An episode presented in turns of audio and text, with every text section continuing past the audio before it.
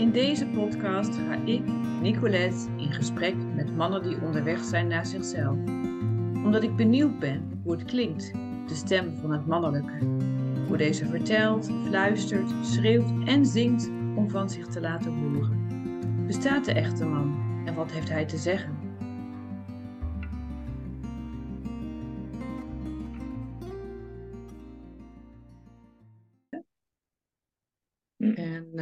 Vandaag ben ik in gesprek met, ik hoop dat ik het goed uitspreek, Olivier Wienans.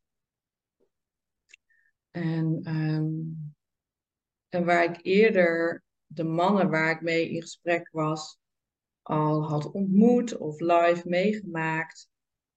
Ja, is dat met Olivier nog niet het geval. Dus daar hadden we het net ook even in het voorgesprekje over.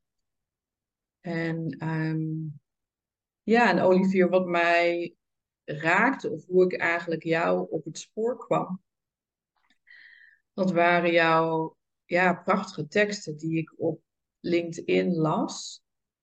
Um, en die uiteindelijk ook weer op Facebook terechtkwamen, ook al zit je daar zelf niet. Mhm. Ik doe nog even mijn telefoon uit. Zo. Um, ja, dus ik was diep geraakt door wat je schreef. Ik weet niet meer precies waar, waar de tekst over ging. Um, maar wel in mij het gevoel van, oh ja, dat um, raakte me. Ik vind het interessant. Ik ben benieuwd naar jou als man en als mens. En um,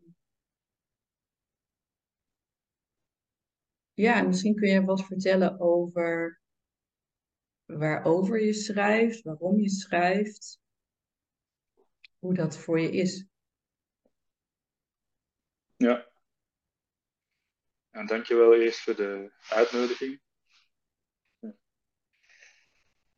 Um, nou, ik schrijf. Kijk, inhoudelijk schrijf ik heel veel over. Een soort eh, de, de doorleefde effecten um, van wat ik relationeel trauma noem. Dat zou je ook uh, ontwikkelingstrauma kunnen noemen, of vroegkinderlijk trauma, of, of complex trauma, er zijn verschillende namen voor. Mm -hmm. Ik hou zelf van het woord relationeel trauma. Daar kan ik later wel iets over zeggen waarom ik dat woord gebruik. Mm -hmm. um, ja, en ik schrijf voornamelijk uh, uit soort innerlijke aansporing van waar ik zelf al twintig jaar mee bezig ben. Nou, of eerder, uh, het is al twintig jaar met mij bezig. Oh ja. ja. En um, nou, ik heb dit jaar een heel uh, chaotisch jaar. Dus um, ben, uh, ik ben gescheiden begin dit jaar. Um, twee jonge kindjes. Ik werk in twee verschillende landen, dus dat vraagt heel, heel wat logistiek uh, of ik werk en woon tussen België en Nederland. Ik heb ja, met co-ouderschap, recente scheiding. Dat vraagt gewoon heel, heel wat. Maar ook, ook, ook wat er in die relatie bij mij naar boven is gekomen. Um, en vooral wat ik uit relatie in mezelf heb ontdekt, wat ik daar ben aangegaan.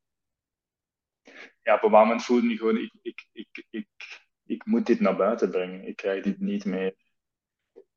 Dat is eigenlijk een heel ja, was toch ergens een heel. Het was eigenlijk een uitreiking naar. Het was eigenlijk een uitreiking, ik denk dat ik ook ergens heb geschreven. Van een soort van. Uh, ja, laten we dit proces toch samenlopen, ergens met allemaal mensen die ik dan niet ken. Uh, mm. En ook een soort hoop van. Um, ja, waar, waar ik al twintig jaar mee bezig ben. Is dat iets dat ik alleen zie of resoneert dat met andere mensen? Mm -hmm. Dus dat was een. Uh, ik merkte dat ja, ergens in mei of zo ben ik beginnen schrijven. En, en, en, en dat stopte op een bepaald moment niet meer. Ja. En, dat, en dan was ik blij, ook wel ontsteld, maar ook wel blij met de resonantie die ik uh, kreeg. En dat heeft mij oprecht veel geholpen. Dat, is, uh, dat was een heel eenzame periode. Mm -hmm. En nog, het is eigenlijk een heel eenzame periode geweest. En ja, dat is een soort uitreiken. Uh, in een bepaalde vorm. Dus dat heeft mij bizar ook veel gesteund. Uh, gek genoeg, omdat ik de meeste mensen niet ken, als in Ja, niet, niet team ken. En ja, heb ik daar toch heel veel steun aan gekregen. ja en ehm, je doet het op LinkedIn. Nou ben ik zelf, ben ik wel comfortabel op Facebook om mijn verhalen eh, te delen. Maar op LinkedIn voelt het voor mij nog best wel heel spannend. Ehm, hè, wat, wat voor mij gevoel meer ook een zakelijk netwerk is, waar ja, ook nog misschien meer in mijn gevoel mensen kunnen rondlopen die mij of mijn boodschap niet begrijpen. Hoe, hoe is dat voor jou? Ehm, waarom, dit, waarom heb je voor dit medium gekozen? Ehm, ik heb daar niet, niet echt heel hard over nagedacht. Ik, Hmm. ik, ik, eh, ik zit niet meer op Facebook, dus ik vond dat eh, nou ja, het is een soort, een soort advertentieplatform geworden. En ik heb geen andere social media, dus het was eigenlijk de enige die ik eh, had. En, en ik heb zelf ook een, nou, ik heb ook zelf een soort missie in, in veel van wat ik doe. Van, ehm, hoezo is de ontwikkelingswereld, de zelf- of relationele ontwikkelingswereld, hoezo is die gescheiden van de zakelijke wereld? Hoezo- Waarom Mhm. is dat zo? Dat klopt voor mij ook helemaal niet. Dat is ook een van, eh, een van de bewegingen die ik voel, is om, om dat soort denken daar naartoe te brengen. Het is ook de plek waar we nog het meeste met elkaar zijn. Ehm, het is volgens mij, een van mijn focussen is ook burn-out. Het is de plek waar burn-out zich manifesteert. Ja. Eh, en dat, en ik, ik zie burn-out heel erg als een, een soort uitwaseming van relationeel trauma. Mhm. Ehm, dus ik denk, ja, dat is de plek waar het nog het meest te halen is. Ehm, en ik schrijf het ook op een, op een manier dat ik denk, excuseer, het is niet enkel een soort autobiografie. Ik Mhm. probeer ook wel, ik, ik- door mijn eigen proces zie ik ook een soort wetmatigheden. Excuseer, ik ben een beetje verkouden. Dus ik zie de, de soort wetmatigheden die ik, die ik lijk te ontdekken, die, ja, die wil ik ook delen om te testen van is, is dit iets waar andere mensen, of te testen, te delen. En als mensen daar iets mee kan, kunnen, fijn. Ehm, en ik ben tot slot wel erg fan van taal. Ik vind taal een heel mooi medium. Mhm. En LinkedIn geeft jou nog net de, de lengte waar dat je nog een betekenisvol, vind ik, een betekenisvol verhaal kunt schrijven. En ik ben helemaal niet van die. Ik hoor het heel veel van ja, mensen hebben geen aandacht. Het moet binnen de. Je moet een tagline hebben. Je moet binnen de drie zinnen moet je mensen hun aandacht. Mhm. Ja, ik vind, ik vind dat onzin. Ik denk, boeken zijn van alle tijden. Mensen lezen boeken. Natuurlijk zal het veranderd zijn met de soort clickbait eh, media. Maar ik merk dat mensen, als het echt raakt, de ziel is van alle tijden. En de ziel wilt diepgang, wilt, wilt verdieping, wilt lengte, wilt nuance. Ik denk dat vaak het ego eh, snelle quick fix dingetjes wilt, maar ik, dat, dat, ik- dat ik meer de zielen van mensen dan probeer te raken. Of niet eens probeer. Dat is wat bij Ja. mij geraakt wordt en dat deel ik.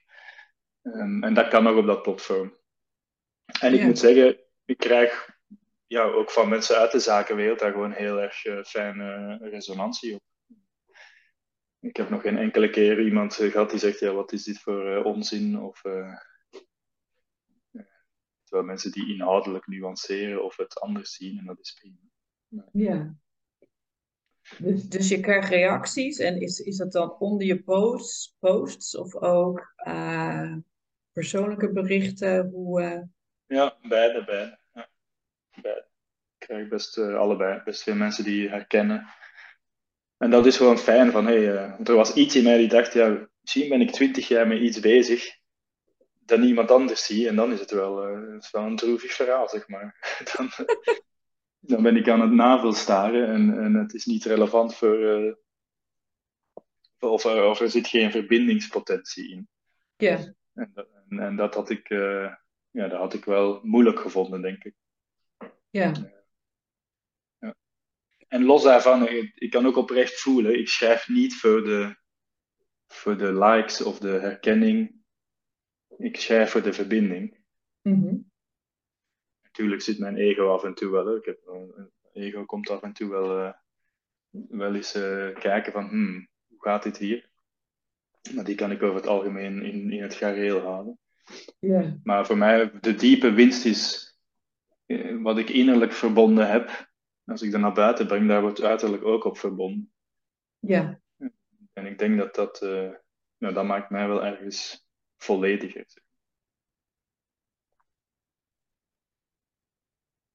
Ja, prachtig om zo te horen hoe het dan echt uit jou komt. Hè? En, uh,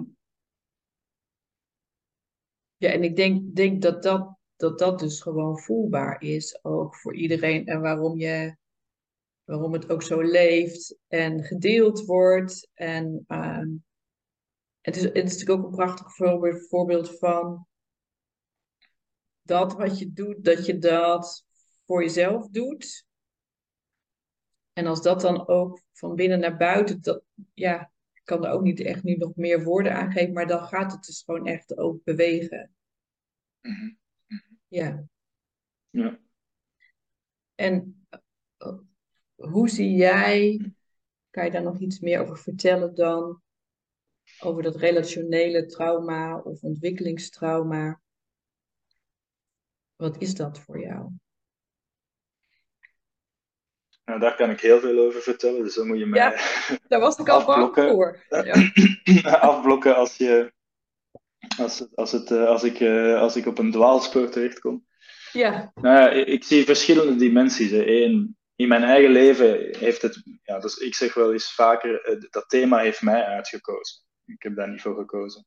Mm -hmm. dat, is, dat is van, um, van jongs af aan is dat, mijn, is, dat, is dat geweest waar ik te dealen mee had. Ja.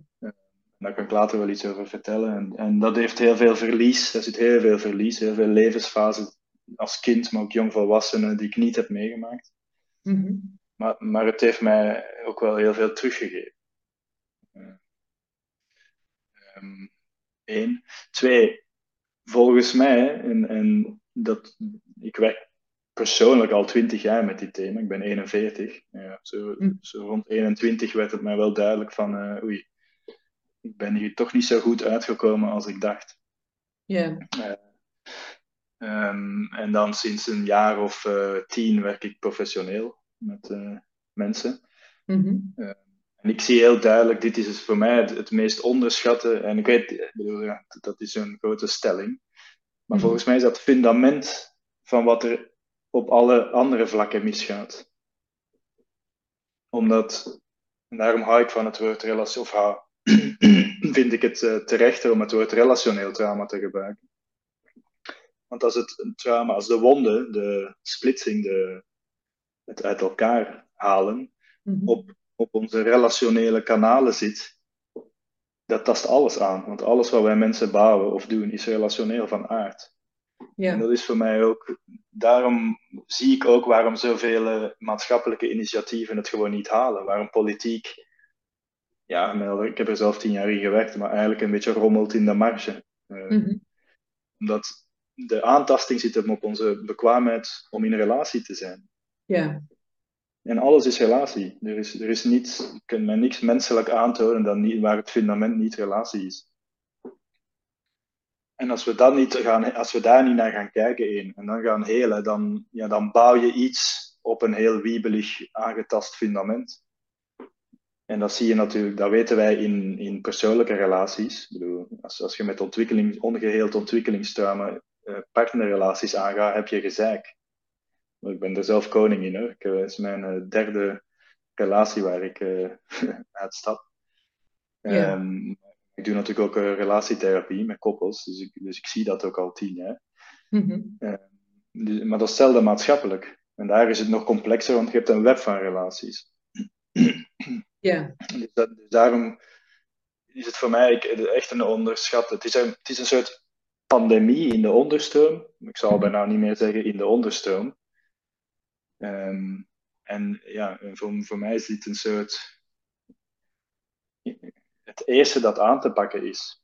En dan, Ja. zijn, dan, dan kan prima politiek of uh, burgerrechterlijke verenigingen, die kunnen daar opbouwen, prima. Maar ze zeggen wel eens, uh, het is een systeem falen, en dat klopt, dat geloof ik ook. Maar eigenlijk is het nog eronder, onder het systeem falen, is er is gewoon een relationeel falen. Ja, en, en wat jou betreft begint dat dus heel vroeg. Als je kijkt naar wanneer, wanneer dat relationele trauma ontstaat, is dat dan kindertijd? Is dat baarmoeder? Kan je daar iets over ja, vertellen? In mijn, in mijn, in mijn beleving is, is de, de, ja, hoe jonger, hoe schadelijker. Want het zit dan echt in uw imprinting. Mm Eén. Ehm, maar twee, ja, wat zo essentieel is aan vroeg kinderlijk trauma, is we zijn, als kind ben je per definitie machteloos. Dus het, wordt, het gebeurt jou. En er zijn ook onderzoeken over hè, dat trauma op volwassen leeftijd, um, dat noemen ze dan uh, impact of shocktrauma, dat, dat, daar, dat dat sneller te helen valt, omdat dat zich niet endt op uw relationele bekwaamheid. Als kind gaan we, als kind ja, als, u, als, als, als, als uw eerste twee verzorgers, en dat is in deze wereld toch mama en papa, daar, daar, zit nog een laag onder van, wij hebben geen stam meer, we hebben geen tribe, dus, dus er komt heel veel vanuit die twee oertypes. Die staan symbool voor de wereld, die staan symbool voor, voor het leven. Als, als, als dat als dat pijn gaat doen, als dat niet te vertrouwen is, als die niet beschikbaar zijn, dan imprint dat in ons gewoon een diepe, diepe relationele onveiligheid. En die brengen wij mee naar alles waar dat wij in contact mee gaan.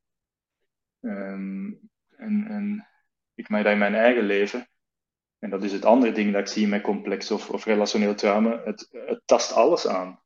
Het heeft bij mij, mijn, mijn plek in de wereld heb ik mee geworsteld. Mijn plek in rela relaties is, is mijn grote worsteling. Mhm. Ehm, in mijn relatie met mezelf, uh, mijn relatie met vrienden, mijn relatie met collega's, mijn carrière, uh, wat is mijn passie, wat is mijn missie. Het, het heeft elk financiën, uh, gezondheid, het, het, tast elk onderdeel van het leven aan, omdat het zo diep in onze bouwstenen nou ja, een, een, ongeheelde schade toebrengt.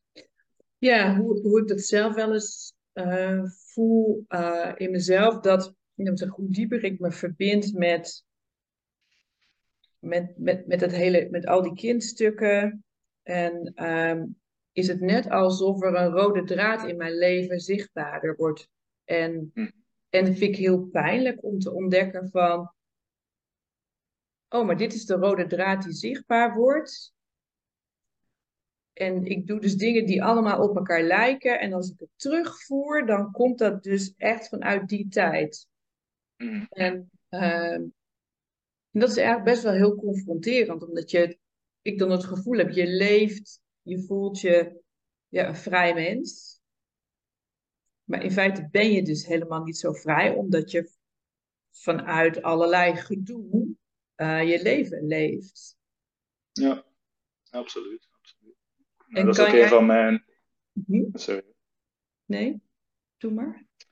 Ja, dat is een van mijn ook, ook ontdekkingen, dat, dat ongeheeld eh, trauma, ja, dat tast uw vrije wil aan.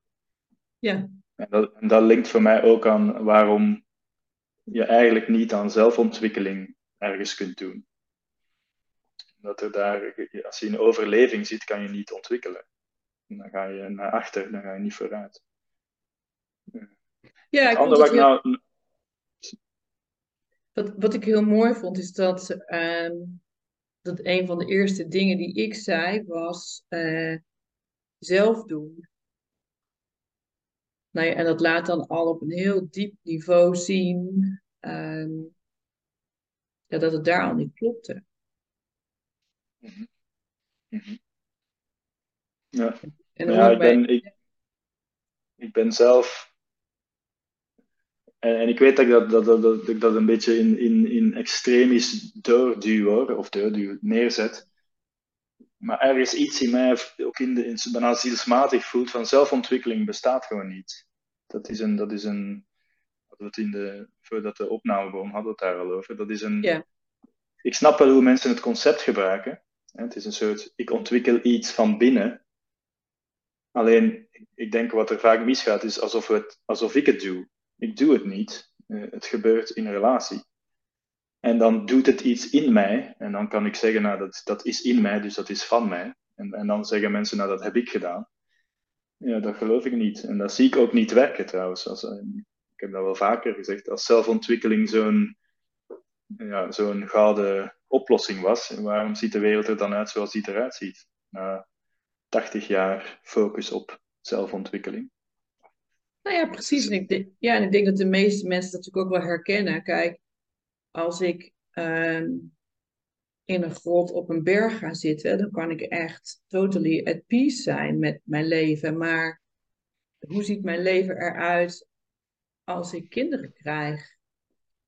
Ehm, als ik hele grote spiegels om mij heen heb opeens, hoe ziet mijn leven eruit als ik in relatie ben en ehm, met mijn partner ook spiegels krijg? En, ja, en, en daar, daar begint de, als we het dan mogen zeggen, daar begint dan de ontwikkeling.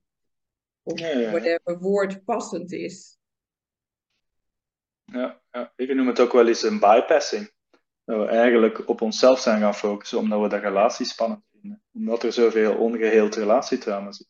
Ik zie in mijn groepsworkshops, het spannendste moment is, je kunt mensen laten mediteren, gekke dingen laten doen op zichzelf, eh, vuur lopen, nou weet ik veel wat. Maar het, het moment dat je ze tegenover een andere persoon zet en echt een oefening in verbinding laat doen, nou, dat, is, dat is waar dat de meeste mensen nou, waar alles eh, dat daar zit van ongeheeld trauma heractiveert.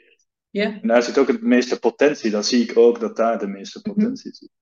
ja, En als je, als je mijn opstellingswerk werkt, dan zie je heel duidelijk dat het moment dat de verbinding wordt gelegd, dat is waar dat het wat het ook is, met wie of met wat, dat is waar het hele systeem ineens in beweging komt.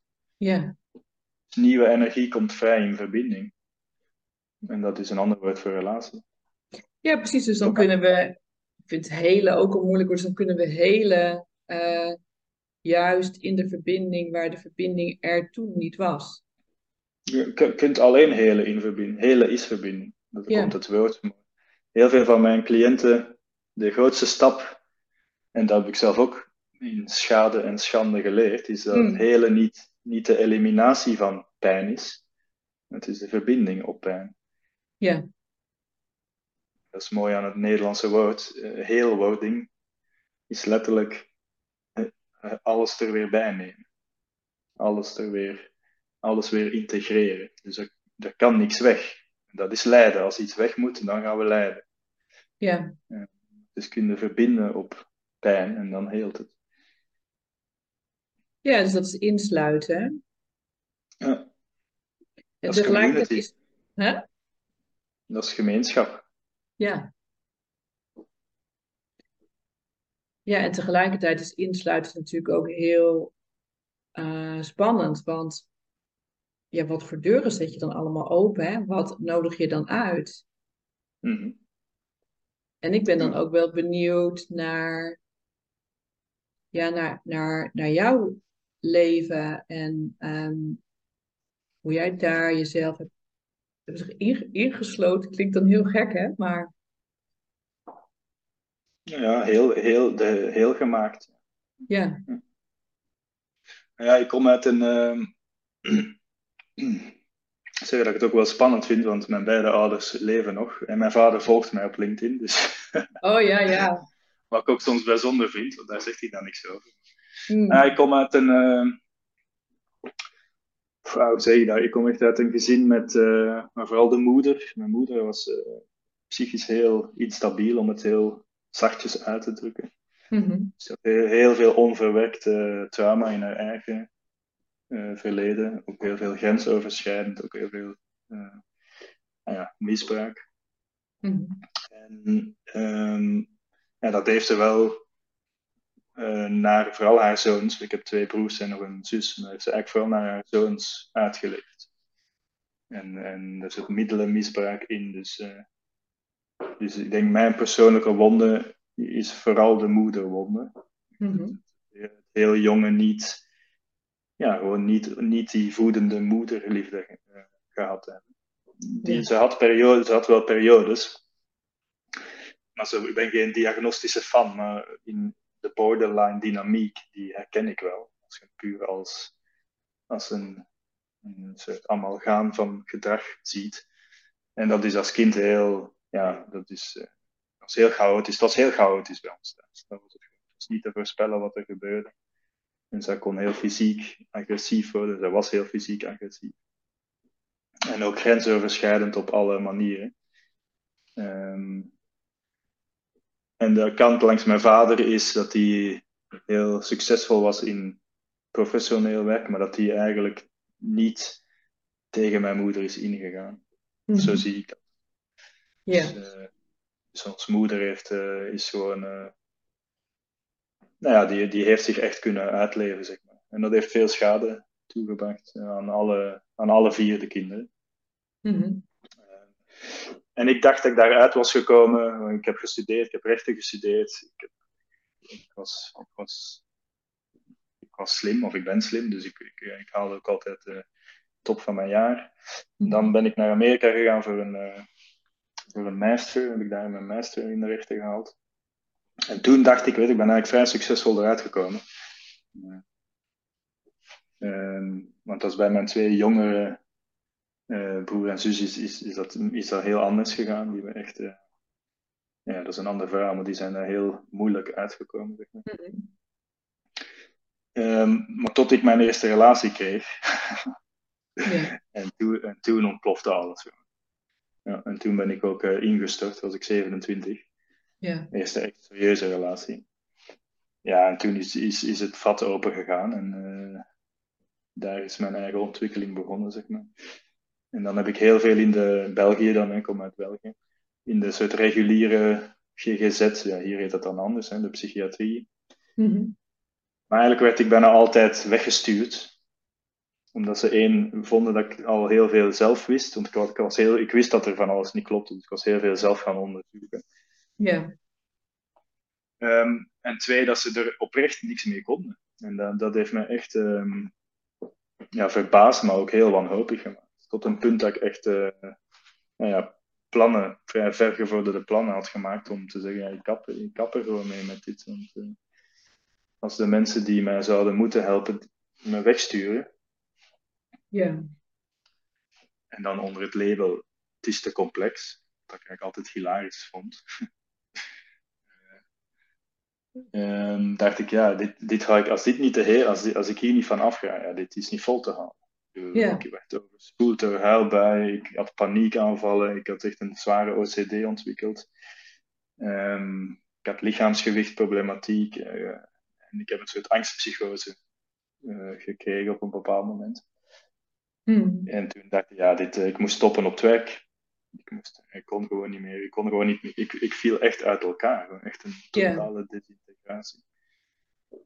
Um, en toen ben ik gelukkig, dat is echt de reddende beweging, heeft, heeft iemand mij gewezen naar een centrum in België, het Kasteel de Schans, waar ik nu zelf training geef. Hmm. Daar ben ik een man tegengekomen en dat is de eerste man wat ik voelde, die, kan mij, die, die weet waar dit over gaat. En ik zei dan nog, hij is een goede vriend van mij, hij is mijn mentor, maar hij is mijn goede vriend. Mij nog als ik het zeg. Hoor. Maar ik denk dat ik zonder hem was ik hier vandaag niet. Hmm. Zo, zo, zo simpel is het. En, en, en uh, die man heeft zo, kon zo diep met mij in de pijn zijn en blijven. Ja. En heel lang. En dat heeft, dat heeft iets van binnen geheeld. Dat heeft echt een bodem gecreëerd. En toen is het vrij snel gegaan. Toen. Maar vrij snel, dat is ook niet waar, want ik ben nog tien jaar aangeklooid. Maar goed, toen wist ik wel, hier kom ik uit. ja. En, uh, en vrij snel wist ik, dit is het werk dat ik zelf wil doen. Dus ik ben toen eigenlijk binnen het jaar ook die studie gaan uh, zelf opnemen. En dan ben ik daar uh, mee aan de slag. Wat voor studie ben je toen gaan doen? Ja, ik ben bij de, dat was een, dat heet best een ingewikkelde naam hoor. Dat is uh, de interactionele vormgeving. Dat is een therapie, dat is eigenlijk psychotherapie, maar heel holistisch integratief Mhm. bij, de, bij de educatieve academie in Antwerpen. Mhm. Ehm, maar ik vond, voor mij was dat fantastisch. Ik, vond, ik heb daar echt van genoten. Maar, ik vond, en dat nog dat is, ja, daar, daar zat alles in. Ik kon gewoon intuïtief voelen. Er is gewoon niet één modaliteit die helpt. Had ik ook meegemaakt. Mensen hadden CGT op mij losgelaten, EMDR. Nou ja. En dat deed fundamenteel niet zo heel veel. Dat was soms eens Ja. interessant, of ik had eens een ontdekkingje hier. Maar daar was het echt een, eh, ja, een soort, zoveel va- vanuit oude wijsheden, oude tradities, maar ook heel nieuwe ontwikkelingen, maar heel veel Jungiaans eh, werk, ehm, heel veel lijf, lichaamsgericht. En Ja. gewoon die hele combinatie van alles. Ja, dat, ik voelde me daar eh, echt rijk als ik daar wegging. Ik had echt zoiets van, ah, ik weet, ik heb echt een gevulde koffer. En dan ben ik daarna zelf nog opleidingjes links en rechts gaan doen. En, en vooral mijn eigen onderzoek van wat werkt bij mij. Wat werkt er bij mij? Want, eh, ik heb met mezelf, het, ja, ik ben mijn eerste moeilijke en hardnekkigste cliënt. Dus eh, in al het geploeter, wat werkt er bij mij? En van die combinatie heb ik mijn eigen guacamole gemaakt, zeg maar. Mhm. Dat is eh, tot op de dag van vandaag. Ja, en die smaakt goed.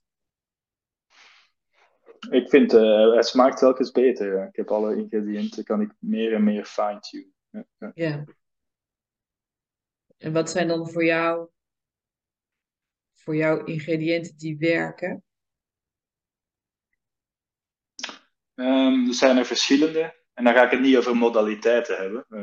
Want ik ben enorm van, als ik Carl Jung le- leerde kennen, echt, eh, ja, dat, dat, dat is- ik had er echt een man crush op. Dat ik dacht van, wauw, die, dat, Oh. wat, een genie, wat een genie. Wat een genie was die man. Eh, het is ongelooflijk wat hij in zijn eentje heeft gedaan. Ook door vooral naar binnen te kijken. Uiteindelijk heeft hij dat allemaal in zichzelf ontdekt. Dus dat is voor mij wel een, een, een held der helden, zeg maar. Ehm, maar los van modaliteiten, ik zie, als ik zie hoe ik werk, doe ik eigenlijk een aantal dingen. Ik focus wel echt op een verhaal. Mensen zeggen wel eens, zeker in de lichaamsgerichte wereld, ja, we babbelen te veel, we praten te veel. En ik snap wat ze zeggen. Ehm, maar het verhaal is iets anders dan cognitie. Het gaat echt over een, ziels, een zielsfocus. Hmm. Dat gaat over visie, dat gaat over wat, wat, wat, wat is hier in essentie. Dat gaat echt over essentie. Mhm. Ik merk dat dat is iets wat ik heel vaak inbreng, ook in groepen. En wat ik ook vaak gemist heb in heel veel groepen waar ik zelf in deel heb genomen. Dat ik dacht van, maar wat, wat, zijn, we, wat zijn wij aan het doen? Waar gaat dit eigenlijk over? En ik, ik vind dat heel belangrijk. Dat is echt, dat is, een heel, dat is een, echt een pilaar van wat ik doe. Twee, ja, het lichaamsgerichte. Als je niet met het lichaam werkt, dan, dan werkt het niet. Dat, is, dus, als het niet lichaamsgericht is, dan, ja, dan, dan weet ik eigenlijk niet precies wat we aan het doen zijn. Maar dan, Ja. dan gebeurt er ook niet zoveel. Ehm, en ehm, ja, ik, ik zoek altijd een, een combinatie van zelfregulatie en co-regulatie op. Mhm. Die twee zijn natuurlijk eh, heel intiem verstrengeld. Ja. En dan meer en meer en meer, en dat is waar ik naartoe ga. Dat is denk ik ook wat de ontwikkeling is van dit veld, is dat het eigenlijk met samen zijn te maken heeft. Met wat ik tribe. Ik, ik merk dat ook in groepen, dat is ook, daar zijn ook studies over, hè, dat, hoe exponentieel impactvoller groepswerk is dan individueel werk.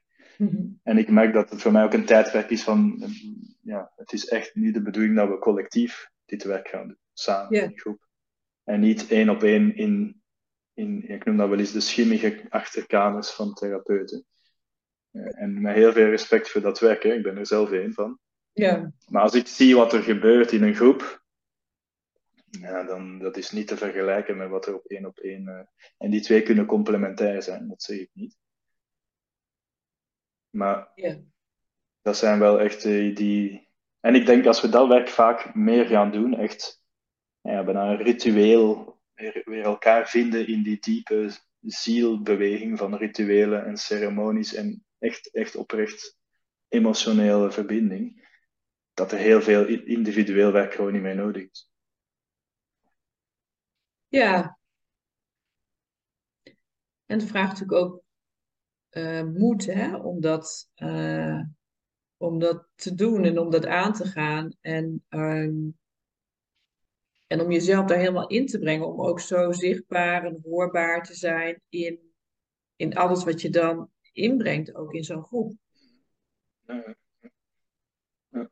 Het is in mijn ervaring ook de meeste mensen. Ik was zelf, ik ging echt met het bilzweet naar zo'n eerste. Ik heb een mannen, mannenjaargroep gedaan, ja. was mijn eerste. En toen was ik uh, 28. Mm. Dus ik was echt de, de, jongste in die hoop. Ja. Ja, ik ging daar de eerste twee, vierdaagse ging ik echt met uh, badend in het zweet uh, naartoe. Van de angst, om zo gezien te worden. Maar dat is, het, dat is wat een groep, je kunt u niet verstoppen in een relatie. Dat is Nee. waarom, dat ik, daarom denk ik dat mensen, nou, daarom vind ik zelfontwikkeling soms een soort, ja, quote-unquote laffe, ik snap hem wel hoor, maar zo, het, het is een bypassing, denk ik soms. Want in een relatie kunt u, niet ont, kunt u niet verstoppen en in een groep al helemaal niet. Nee. Of je wordt uit, uitgedaagd om u te laten zien, of je wordt verstoten. Ja. Ja, en dat, dat komt dan bij dat, eigenlijk bij dat eerste principe eh, uit, hè?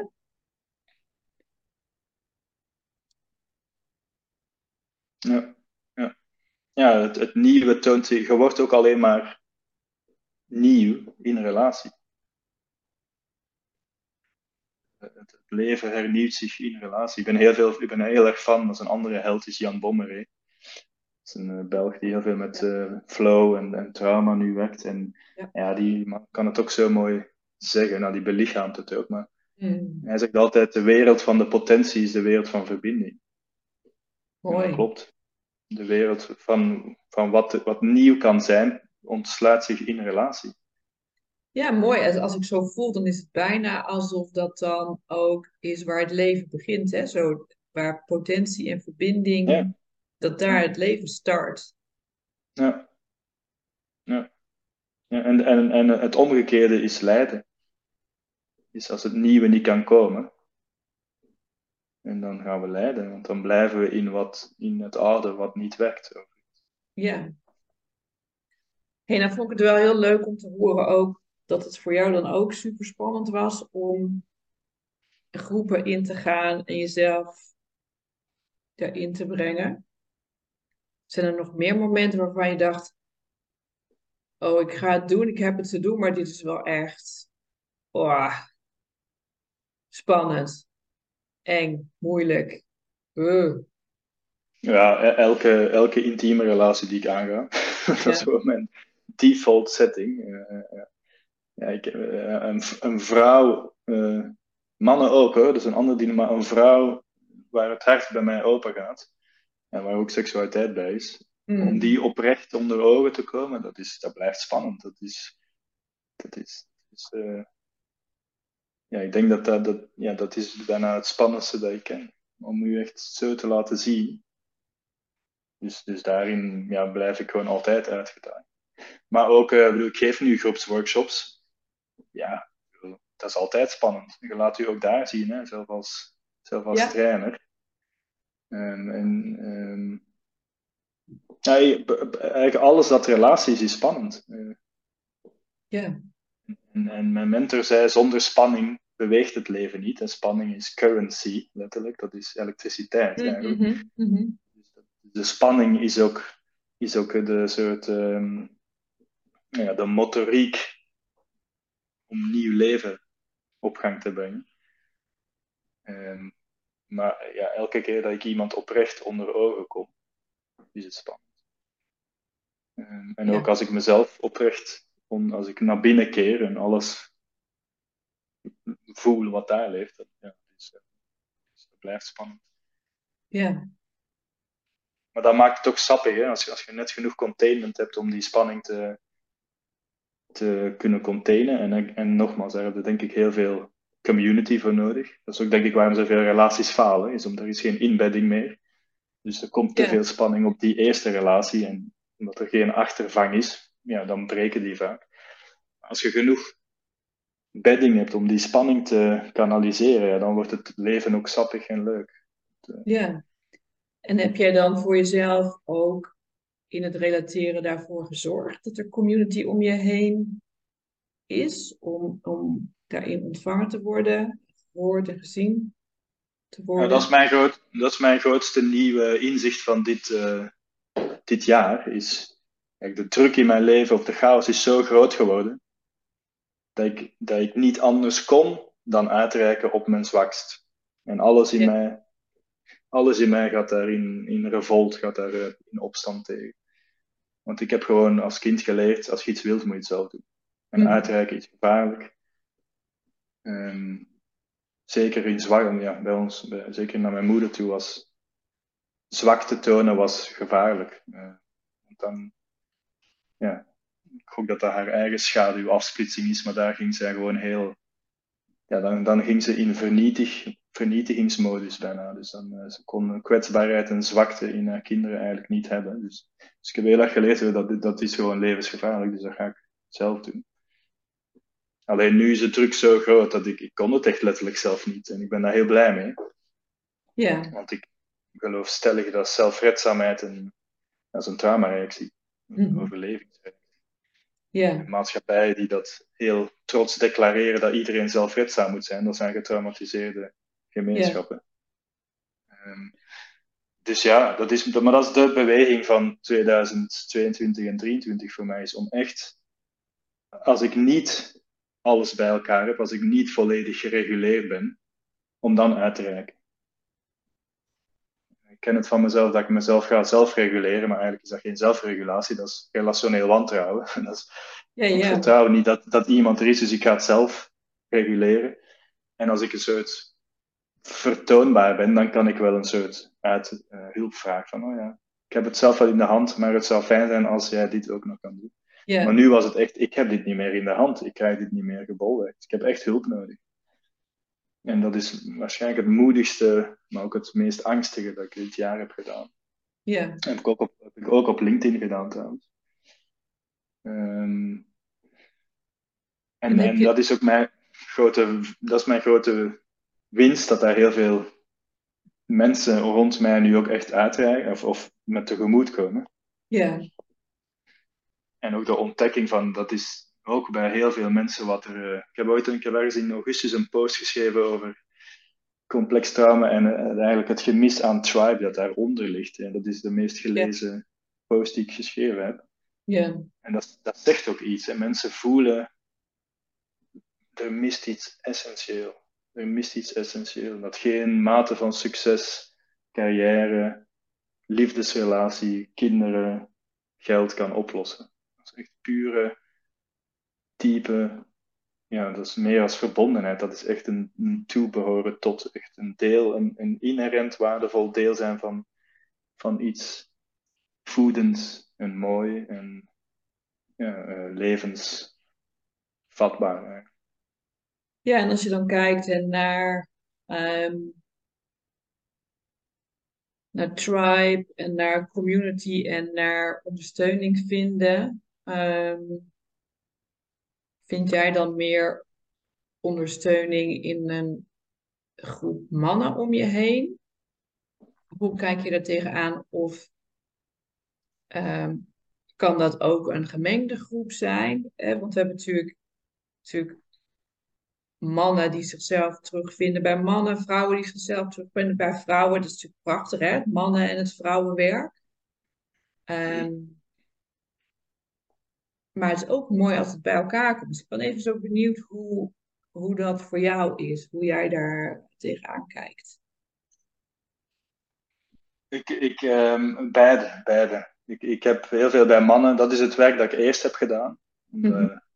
Was doods, als, als, ik voelde me altijd het jongetje onder de mannen. En dat is natuurlijk een, dat zie ik ook wel, ook bij veel, ik heb veel mannen als cliënten, dat zie ik ook wel in die, ja, in, dat is eigenlijk een soort incestueuze uh, verhouding die met mijn moeder heeft plaatsgevonden, door de hele dysfunctie die daar is gebeurd. Um, van uh, jij moet jongetje blijven en geen man worden. Um, dus dat is mijn eerste uitdaging geweest en daar heb ik echt veel aan gehad. Echt, mm -hmm. dat, mannenwerk, dat mannenwerk heeft voor mij ja, heeft mijn plek tussen de mannen uh, gevonden. En ik geloof heel erg, uh, je vindt iets bij mannen dat je niet bij vrouwen krijgt. En zeker als veel mannen, maar ik hoop dat bij vrouwen hetzelfde is. Uh, maar ik doe geen vrouwenwerk. Nee. Veel mannen, um, nou ja, zolang dat ze hun moeder zoeken bij de vrouw, ja. kunnen geen relatie aangaan. Mm -hmm. Dat is ook mijn, dat is telkens mijn worsteling om het, in, in, het interne jongetje, het, eigenlijk het jongste deel, het bijna baby, onschuldige deel, om, om die, nou ja, om de rouw voor de niet gekregen moederliefde, om die toch bij mannen te gaan rouwen. En dat voelt bijna paradoxaal, maar dat is, uh, dat is, dat is wel de beweging. Um, ja, en ook de, ja, de, een van mijn beste vrienden hier in, in Brussel is, is, is, is, een, is een kerel. En die, wat, wat, wat wij altijd met elkaar hebben gehad, wij bouwen elkaar altijd op. En dat is zo'n voedende, eh, dat, ken, dat ken ik niet, dat kende ik niet. En dat zie ik ook bij heel veel mannen. Daar zit toch altijd een competitie, zeker ook als wij single waren vroeger en wij gingen samen uit.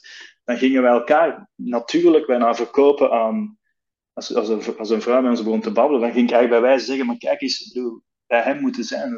en ik meende dat ook, van, dat is zo fantastisch. Dat was echt broederliefde. En nog. Yeah.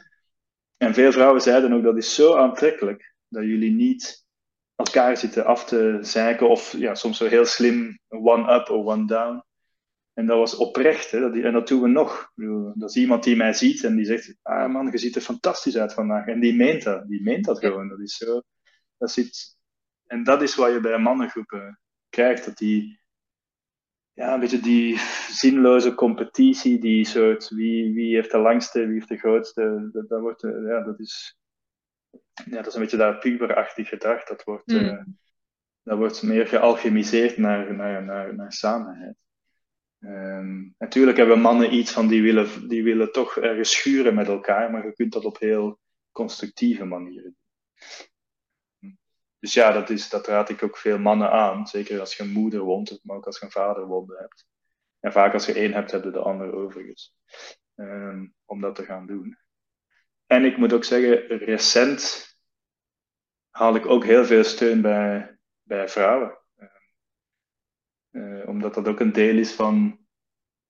Dat is ook een deel van, maar dat is mijn persoonlijke weg. Is, mm.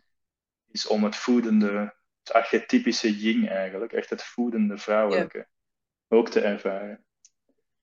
Want ik trek nogal eens ongezonde vrouwelijke energie aan, en dat bedoel ik niet lullig. Maar dat is een beetje de, ja, de, de herhalingsdwang van Freud. Ja, precies. Ja. Um, en dat is voor mij echt helend. Dat is echt dit jaar heel helend geweest. Om echt, hey, hey, dit soort energie is echt voedend. Bijna een soort muze, bijna een soort uh, ja, muze-kwaliteit van het vrouwelijk. Um, ja, dus, dus ik denk beide, maar ik gok ja, ik ben benieuwd, jij, jij, werkt ook met vrouwen. Ik weet, bij mannen is vaak wel een eerste stap, zeker als mannen zich heel erg zijn gaan verliezen in de zoektocht naar een partner. Mm. Of alle, allemaal vriendinnen hebben, maar met niemand eigenlijk echt een intieme relatie krijgen. Dat het toch Yeah. eerst bij man, mannenwerk te doen is. Ehm, mijn mentor zei altijd, en dat vond ik zo mooi, ehm, mannen, jongens gaan via hun vader naar de moeder, naar de vrouw. En als je die brug van de vader eh, niet hebt, dan kom je dus niet bij de vrouw. Nee, precies. Dus in het mannenwerk kan je gewoon heel mooi dan ehm, samen die jongetjes laten opgroeien en Ja. tot man worden. Ja, Ja, en voor mij, ik zit even zo, dan komt er zo een soort, soort zonnestraal op mijn hoofd. ja ik Eh, zie het. Ja, zo. En voor mij, ja, de vrouw, hè? Helemaal verlicht. Eh, totally.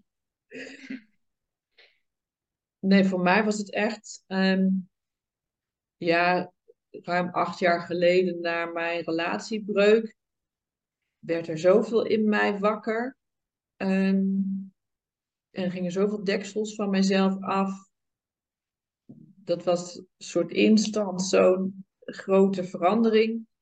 Dat ik dacht, ja, nu heb ik echt hulp in te roepen. Want de mensen die ik nu ken, daar red ik het niet meer mee. Die, daar kan ik niet meer dit, ja, het gesprek mee voeren. Daar, dat lukt niet meer. En ehm, ja, toen ben ik heel snel, heb ik vrouwen om me heen gezocht waarvan ik dacht van, ja, bij jou vind ik bedding. Bij jou kan ik, het raakt me ook nu als ik het zeg, bij jou kan ik, kan ik dus mezelf zijn. Kan ik mezelf inbrengen. Vind, je vindt me niet gek of raar. Mhm. Eh, of ehm, ja, en dat is heel, dat is heel voedend geweest uh, voor mij. En heel, ja, dat heeft heel veel ontspanning gebracht. En heel veel meer zakken in mijn lijf. En, ehm, ja, en, en dus ook, ook verbinding. En echt verbinding met mezelf en, en met andere vrouwen daarin. En zoveel herkenning ook met ehm, ook maar willen moederen over een partner. Uh, mezelf weggeven, heel veel willen pleasen, willen zorgen. En, ehm, ja, en elke keer gewoon uit mijn eigen centrum uh, weggaan. En, en ik denk ook door, door, door deze podcast dat Ehm, dat er vanuit mij ook een andere beweging naar buiten komt, die ook ergens met het, met het opgroeien van mijn jongetje uh, te maken heeft. Want ik heb ook vaak dan in het contact met mannen, um, was, zat daar ook wel een seksuele stroom in van, uh, ja, hoe doe je dat dan eigenlijk, verbinding met mannen? Hoe werkt dat dan? Uh, dus, ja. dus als ik dan iedereen zag als potentiële partner of uh, ja, dat, dat werkt natuurlijk helemaal niet. En uh, ja, dat was de, de manier waarop ik verbinding aanging. En uh, ja, en ik denk dat ik daarin nog in aan het groeien ben en aan het ontwikkelen ben. En ehm, ja, misschien ook wel juist door, door deze podcast in, in, aan het relateren ben van, ja, hoe doe je dat dan? Contact met het mannelijke in jezelf en contact met, met, met mannen. Mm-hmm. Ja. ja, en voel ik ook wel van, als je daarin, en dat vind ik dan ook weer zo'n groot woord, je werk hebt gedaan, want wanneer is dat dan klaar of zo? Um, is het dus ook mooi als dat mannelijke en vrouwelijke zo uh, ja, meer in verbinding kan komen en dat dat ook samen kan gaan weven. Uh. Ja, absoluut. En, en, en ik, heb, ik had recent een heel mooie uh, ervaring met een, een vrouw. En dan, en dan en als intiem. En dan merk ik ook, en, en dat kon ook uitspreken met elkaar. Ik kom niet op die plek alleen. Dat kom ik gewoon niet. Dat komt er. En dat is, een, dat is een variant van wat we eerder zeiden, van het nieuwe komt in een relatie. Ja. Dit was dan in, meer in een tantrische setting. Hmm. Maar op die plek kom ik, kom, ik kan mezelf daar niet brengen. Je hebt, elkaar echt, je hebt elkaar echt nodig. En als je dat kunt in die, ja, in, in, in die totale, ja, alle lagen verbondenheid, visie, hart, bekken en, en gronding, dan, dan, um, ja, dan kom je op een plek waar je alleen niet komt.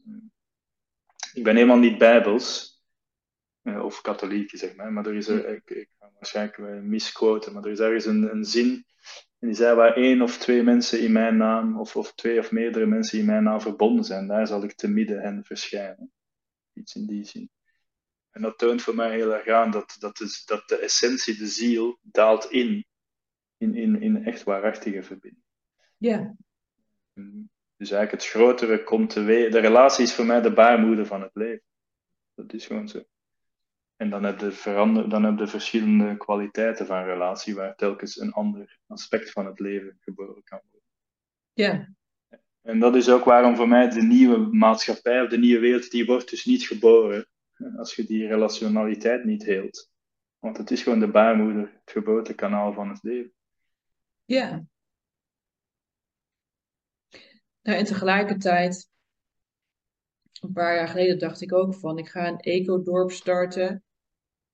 Ik ga in community, communityverband leven. En dat kwam nog niet van de grond. Hmm. En, ehm, maar in, het, in de verbinding met de vrouwen om mij heen had ik ook zoiets van, ja, shit, maar weet je, er zijn ook nog echt dingen in mezelf die ik aan mag kijken. Ehm, en daar, daar was, is dus gewoon ook nog wat meer tijd voor nodig. Ehm, want het is natuurlijk, kijk, je hield natuurlijk samen, maar als je samen met elkaar in zo'n groot relationeel veld zit, dan kan dus ook alle shit ineens omhoog komen. En dan heb je natuurlijk ook wel flink bewustzijn nodig om daarover in gesprek te blijven, om dat in contact te, te, te, te, blijven brengen en om niet in allerlei wonden te schieten van, uh, ja, ik trek de sterker eruit of uh, donder maar op, ik gooi de deur dicht. Uh, ja, ja, ja, ja, ja. Dus, die, dus dat is natuurlijk ook spannend. Ehm, ja. Maar dat is, het diep, dat is het diepste werk voor mij. Ja. Ik zeg, relaties zijn messy, hè. dat is echt één grote zweterige boel. Ja. Ik, ik, ik, ik, werk op het Europees Parlement deeltijd, als uh, soort uh, HR-adviseur en trainer. Nou, iedereen komt één op één met mij babbelen, dat toont ook. Hè. Dat, is, dat is veilig, zeg maar. Ja. Maar ik heb een stelregel. Je kunt twee of drie keer bij mij komen uitrazen, of soms heb je de ruimte nodig om uw kant van het verhaal. En de tweede of derde sessie gaan we gewoon met de personen waar het niet mee stoort, gaan we samen zitten. Nou, ik krijg dat hier niet van de grond. Ik heb twee keer is mij gelukt. Dat waren ook heel intense. Ik noem dat wel eens, dat zijn uh, zweterige okselsconversaties. Dat is, ja. dat, dat, niemand vindt dat leuk. Nee. Maar dat zijn hoogstens een uur, twee of drie keer, drie keer sessies van een uur en wat je daar met elkaar opklaart, dat is, dat is veranderend voor de volgende jaren. Ja. En wat ik, wat ik telkens maar blijf zien, is mensen gaan dat niet aan. En het wordt één grote... Ik weet niet of ik mag flukken op deze podcast. Maar uh, het wordt ben je de eerste die dat doet?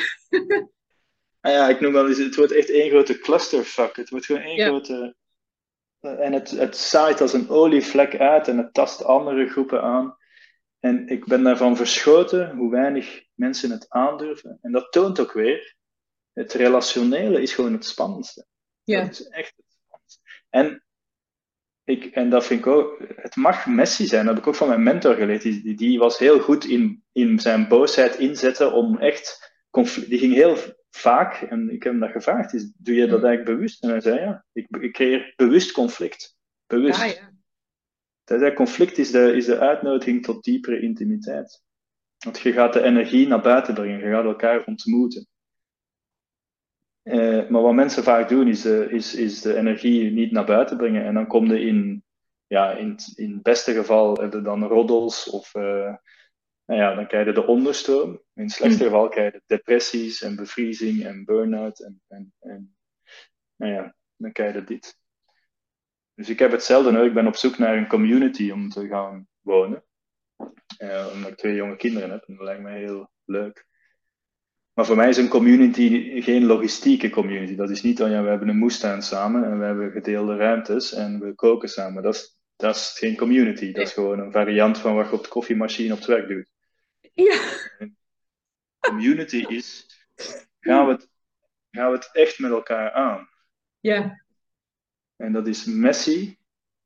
Dat is, dat is echt, dat is gewoon, dat is gewoon, ja, ik ben even het Nederlandse woord voor messy kwijt. En rommelig, dat is echt rommelig. Dat is heel Ja. rommelig. En dan moet je doorheen, iedereen die in een succesvolle vriendschap of intieme relatie of broer-zusterrelatie, daar heb je rommelige, daar heb je echt moeilijke gesprekken mee. Ja. En dan toonde u zelf vrouw, en dan toonde de onredelijkheid, de boosheid, de, nou ja, de oordelen. Ik had onlangs een, eh, een groep en een van de oefeningen is, we gaan elkaar eens onze oordelen zeggen. En mensen vonden het verschrikkelijk, oh nee, maar dat kan toch niet, gaan we toch niet doen. Ik zei één, Mhm. je hebt ze al, je hebt ze al. Ja. Twee, ze zijn hartstikke voelbaar. Iedereen die op het werk al langer rondloopt, weet, zonder dat iemand het waarschijnlijk ooit heeft gezegd, wat mensen van u vinden. Ja. Ze zijn zo dik als stroop voelbaar, dus je, kent ze eigenlijk al. Alleen, ze zijn niet uitgesproken en dat blokkeert wat erachter zit. En, en, en het grappige is, als mensen dat doen, eerst is er wat shock en, en mensen worden... En natuurlijk moet, je dat, moet dat wel... Dat moet op een bepaalde manier begeleid worden, dus er zijn wel grenzen en limieten aan. Um, maar vaak zet dat heel veel vrolijke energie vrij daarna. Ja. En, en, bedoel, als je de geweldloze communicatiemodel kent, het, oordeel is eigenlijk een, een, camouflage van een onvervulde behoefte. Van iets dat je wilt en niet krijgt. Maar vaak komt het daar niet toe, omdat je het oordeel wegdrukt. En, en dat is ook waar ik in, in, in als ik mensen bij elkaar probeer te zetten in hun werkomstandigheden, zeg ik, vertel gewoon eerst wat je van elkaar vindt. We zijn allemaal voor binnen limieten, hè. ga elkaar niet uitschelden tot in de treuren. Maar mensen zeggen mij wel, Olivier, nee, dus, jij kunt wel echt eindeloos lullen. Ik, ja, dat weet ik. Dat weet ik. Ja, ik weet dat van mezelf. Hmm. Uh, vroeger was ik, kon ik best arrogant zijn. En dat, ja, dat weet ik van mezelf. Dat weet ik. Maar daarna komt, komt, uh, komt uh, dan is dat uit de weg. En dan kunnen we het gaan hebben over wat, wat leeft er in gevoel. Wat, miste, wat wilde hier eigenlijk en wat miste. Wat heb je nodig? En dan komt er de verbinding. Ja, dus eigenlijk zeg je dat oordeel zit dan heel erg in de weg uh, voor de verbinding. Ja. Het wegdrukken daarvan. Het wegdrukken daarvan. Ja. Mijn zoontje, hè, die is vier, die is wel heel taai, maar die zegt heel vaak, en ik vind dat fantastisch. Ik, papa, ik vind ja, als ik iets zeg, dat vind ik echt stom. Ja. Cool man, dat je dat kunt zeggen. Uh, want dan, dan maakt hem vrij om, om daarna de, het volgende te voelen. Ja. En, ja, en, die... en wat, je, wat je wegdrukt, komt in de onderstroom terecht. En dat besmet, dat is een besmetting. Ja, precies. Maar, maar te leren om daarmee te dealen, dat, dat, dat het dus op tafel mag komen. En, ja. uh, en dat je volwassen delen dan ook aan tafel blijven, uh, ja, dat is ja. best wel een kunst. Ja, maar daar heb, je, daar heb je echt een begeleiding voor nodig. En dat zie ik bijvoorbeeld op de werkvloer. Ik heb, ik heb ook met verschillende mensen en ik heb een, een business met twee companen waar we dit soort trainingen aanbieden in, uh, in, in directieraden en raden van bestuur. Mm. Nou ja, een van mijn grote frustraties is, ik denk echt dat de leiders van morgen, dat zijn relationele supervoelers. Ja. Zijn echt uh, relationele hoeders. En hoe weinig mensen misschien dat, in dat, dat soort posities dat kunnen, of misschien wel kunnen, maar gewoon niet doen, wegens dat mag niet, of culturele, nee, er zit ook vaak een macho cultuur nog. Um, ja, dan denk ik, op zo'n plek heb je iemand nodig die relationeel superkrachten heeft. Ja, was mooi, want ik zit ook in een, uh, in een, in een veranderteam en daar doe ik communicatie. En, um, en voor het eerst ervaar ik ook in dit team dat er ruimte is. En dat komt omdat dat we het op tafel leggen. En, uh, en, en dat we dat wat ons werkelijk bezighoudt, dat we dat bespreekbaar maken. En, mensen, en, we kunnen dus ook kwetsbaar zijn. Uh, dat je van dingen baalt, dat dingen niet werken. Dat, uh, en dat geeft gewoon zoveel ruimte om echt aan het werk te gaan. Ja, omdat, er, omdat er ook, uh, omdat er dus ook verbinding is daarmee. Ja, ik zeg, altijd, ik zeg vaak: het leven verbindt op authenticiteit en alleen ja. op. Ik ben geen fan van het woord kwetsbaar, omdat ja, net als community, daarom gebruik ik ook tribe. Dat zijn woorden die ook en ik snap wat je bedoelt, hè, maar die zijn een beetje aangerand. In, ik bedoel, die zijn bij wijze van spreken door de grote marketeers van uh, de grote bedrijven bijna ingezet. Dus die zijn wel een beetje aangetast. Ja. Uh, maar ik hou van het woord waarachtig. Ja. Wat, is, wat is waar? Wat is ten diepste waar? En dat is zo, dat is een kunst om dat te voelen en naar buiten te brengen, maar dat is zo'n gidsende vraag: van wat is hier waar? En het leven verbindt enkel op wat waar is. En het stokt en het stopt. Uh, aan de grenzen waar we niet als waarachtig naar buiten brengen. Ja. En, en, en dat klopt wat je zegt. Uh, het is al waar. ik heb sommige managers die zeggen, ja, maar ik ga daar niet aan beginnen, want dan open ik iets. Maar je opent helemaal niks. Het zit al in de onderstroom. Het kolkt en, en het fermenteert en het besmet. Dus het, het, je opent helemaal niks. Je, je kijkt gewoon iets niet aan dat er al is. Ja, precies. Je duwt het eigenlijk gewoon nog verder weg, terwijl het, terwijl het al lang uh, aanwezig is. Ja, dus dat is een soort, ik, dat is een soort uh, ja, desertie. Dat zijn, de, dat zijn de nieuwe deserteurs. Die, die gaan weg van iets dat al duidelijk speelt. Zeg maar. um, en, hey, en is en, voor jou dan ook, want je had het net even over burn-out. Heeft dat dan ook daarmee te maken? Absoluut, ja. Nou, dat is mijn andere stokpaard. Ik heb wel een paar stokpaarden. Ja, die daarom dacht ik, ik laten we dat stokpaard even nog op tafel leggen. Van de stal halen. Ja. Van stal halen, ja, precies. Ja, ik heb zelf burn-out meegemaakt en dat is een deel, dat is een anekdotische, maar goed, dat is geen, ik leer heel veel van wat er in mij gebeurt. Hmm. Maar in de, tien, in de tien jaar dat ik met mensen werk rond trauma, heb ik gewoon gezien dat het symptoom burn-out is, of het syndroom is burn-out. En ik heb de oude garde, um, denk die, die, um, die Nederlandse professor uit Utrecht en, en die Duitser, die, uh, die heel erg burn-out, als, die hebben het woord burn-out ge, uh, ge, geframed eigenlijk als, als mm. een werkgerelateerde uitval. Er zijn nieuwere onderzoekers, daar ben ik trouwens ook mee in gesprek geweest, die dat helemaal anders zien. Want er is ook uh, er is parental burn-out, er, er, is zelfs unemployment burn-out, van mensen die mm -hmm. werk zoeken. Maar goed, dat is meer de fenomenologie daarvan. Maar als ik naar, mijn, als ik naar de rode draad keek, naar al de cliënten die burn-out hadden, dan kwam ik terug naar relationeel trauma. Ja. En ja, voor mij, dat is ook hartstikke logisch. Want nogmaals, dat is, dat is een aantasting van onze bekwaamheid om, een, om in relatie te zijn met, een, met eenders wie. Mm -hmm. En het werk is het laatste bastion van nou ja, soort van gemeenschap. Dat is nog de gemeenschap die er nog rest. Uh, zegt ook wel iets over. Nou ja, vind ik ook ergens droevig als je dat, moet, uh, als je dat zo moet uh, bekijken.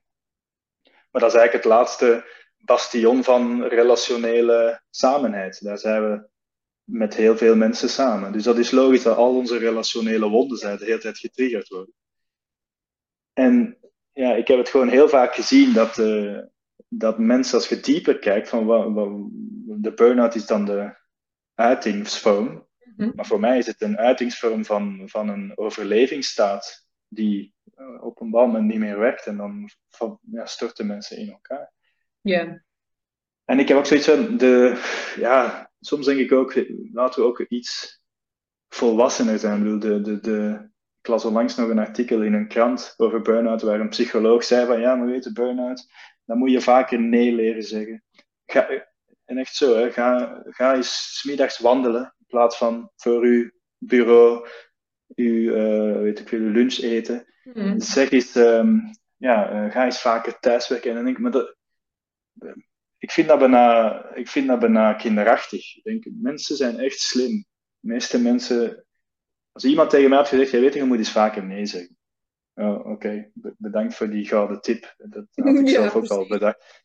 De vraag is, waarom kan ik geen nee zeggen? Wat speelt er? Waar, wat, wat, is de, wat is de relationele onveiligheid? Want daar gaat het ja. dan over. Ja. En, en, en dan moet je dieper gaan. En ik denk dat veel mensen niet dieper gaan. één, omdat ze daar niet naartoe willen. Mm -hmm. Twee, dat er ook een onwetende en onkunde is. Ik bedoel, ja, dan kom je in het, in het psychologische. En drie, ja, dan kom je op een laag waar het heel veel over pijn gaat. En we leven in een hartstikke pijnwerende maatschappij. Yeah. En, en ik heb managers meegemaakt die echt letterlijk zeiden, ja, maar dat, dat is niet mijn taak.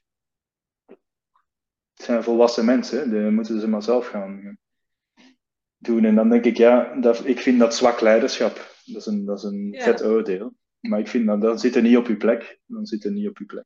Of Nee. werf, werf, je, werf je iemand aan die dat wel kan. Prima dat je zegt, joh, dat is niet mijn strong suit. Zo heb ik mijn baan hier gekregen. Hè. Mijn ex Bazin zei van, weet je, ik vind dat belangrijk. Ik zie dat dat speelt op onze werkvloer. Dat is niet mijn skillset. Ik ben Ja. veel logistieker, strategischer. Maar ik vind dat wel belangrijk. Ik vind, en ik zie ook wat een effect dat dat heeft op Ja. want dat heeft een verschrikkelijk detrimenteel effect op, op de, op, op, op de we- werkoutput. eh, output. maar ze zeiden, maar ik zie dat jij, in mijn geval, ze kenden mij, hè, eh, ik zie dat jij die skillset, we zijn, we zijn goede vrienden, jij hebt die skillset wel. Ik vind dat belangrijk, ik ga jou inhuren om dat deel onder handen te nemen. Dat is ook Ja, dat- prima. Ik bedoel, Ja, dat kan ook, hè? Dat je als manager dan ziet van, oh, dat deel ben ik niet zo goed in, dus laat ik daar hulp voor Ja. inroepen. Ja. En het is Ja. zelfs, ik bedoel, ik heb nooit een eh, functie of rol vervuld als manager. Ik snap steeds beter goed, omdat, om- waarom? Want ik zag al heel vroeg, ja, het werk gaat helemaal niet over het werk, maar dat gaat over mensen en wat er wel of niet in die mensen leeft. Ehm, maar daar heb ik dan wel mee te kunnen dealen en, eh, en ruimte voor te maken en, en daarover in gesprek te gaan. En, en dat voelde ik toen, toen nog niet in mezelf, zo van, oh ja, daar ben ik toe in staat om dat te doen, om die plek in te nemen, om daar ook een team in, in te ondersteunen. En, en de laatste tijd denk ik, oh god, misschien is dat wel leuk om eens eh, Ja. in die hoek wat te gaan doen. Ehm, maar het is ook wel Ja. mooi zo, het gesprek wat we er nu over hebben, zo van, oh ja, dit is dus ook nodig. Dit, dit, dus dit hoort ook bij managen of, of een groep, de leider zijn van een groep of, of iets ja, aan te sturen. Eh, ja. Maar opnieuw, hè, opnieuw. En ik ben ook een pragmaticus, hè. ik ben heel idealistisch, maar dat is hetzelfde met zelfontwikkeling.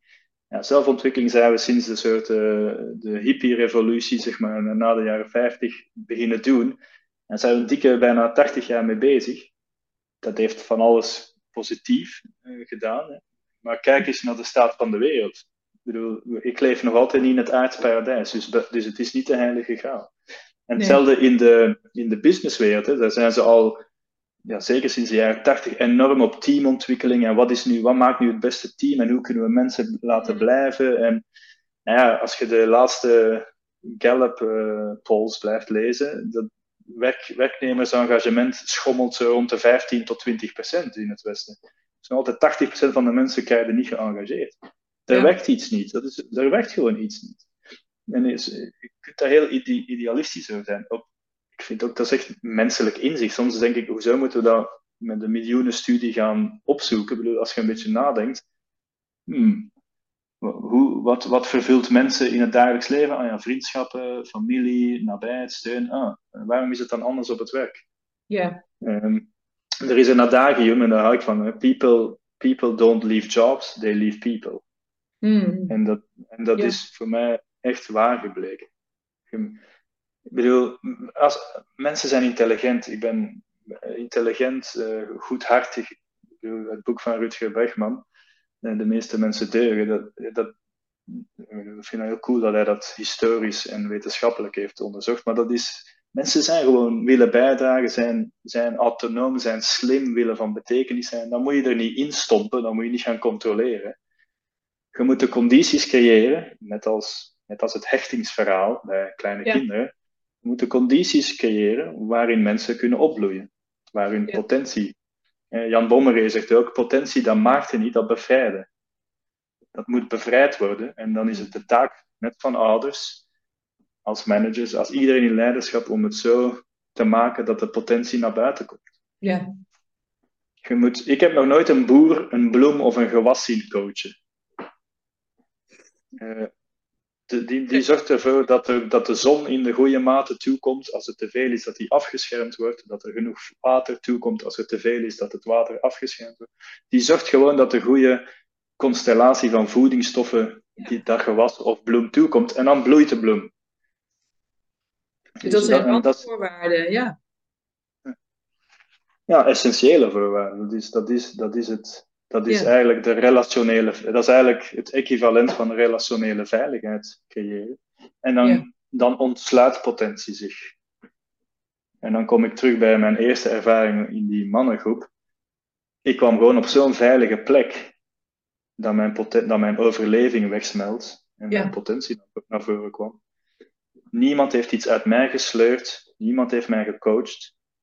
Ik ben ook niet zo'n grote fan van coaching op doelstellingen of werkcoaching. uh, als je nog niet de overlevingsmechanismen hebt uh, in kaart gebracht. En als je mensen. Je kunt niet naar je missie toe leven als je in overleving zit. Dat zijn twee tegengestelde krachten. Um, ja, dus, dus ook voor managers. Ik denk de nieuwe leiders, dat zijn echt leiders die één, zelf het werk doen. Want je kunt niet iemand leiden naar een plek waar je zelf niet geweest bent. Nee, zeker niet. En twee, die echt ja, een beetje dat oudbollige, ook ik ben er een beetje klaar mee, ook dat macho van uh, het is allemaal performance en, en, en einddoelstellingen. Nee, het gaat over relationele veiligheid. Dat is ook een hele wetenschap, hè, de psychological safety. Dus het is ook onderzocht, hè? het is ook wetenschap, dat is, ook, is gewoon aantoonbaar. Dat vind ik soms ook hilarisch. Mensen zijn heel empirisch, maar daar zijn ze toch selectief in. Het is gewoon. Selectief empirisch. Ja, de leiders van morgen, dat zijn mensen die beseffen: hé, hey, mijn taak is om het relationeel voedend, veilig. Ja. En daar heb, je start, daar heb je yin en yang voor nodig, hè? daar hebben ze allebei voor nodig. En, en dan ontsluit, zeker bij volwassen mensen, dan ontsluit de potentie zich. Maar dat is ook het hechtingsverhaal. Hè? Ik, ik, ik voed mijn kinderen niet op, hè? dat doe ik niet. Ik moet zorgen, mijn taak is om het zo veilig te maken, om hun de voedingsstoffen Precies. toe te laten stromen, dat, dat wat in hun zit naar buiten komt. Ja. Het is, veel meer, het is ook veel meer yin-principe, het, het, het laten ontvouwen, dan, ik, dan een soort de, doorgedreven yang, maar ik, het leven is maakbaar, wij gaan het hier allemaal fixen en creëren. Ehm, dus ik denk, ja, globaal, dat allemaal samen is burn-out voor mij echt een soort, zie je het soort typische 21ste eeuw syndroom van waarom we echt op het relationeel herstel moeten gaan focussen.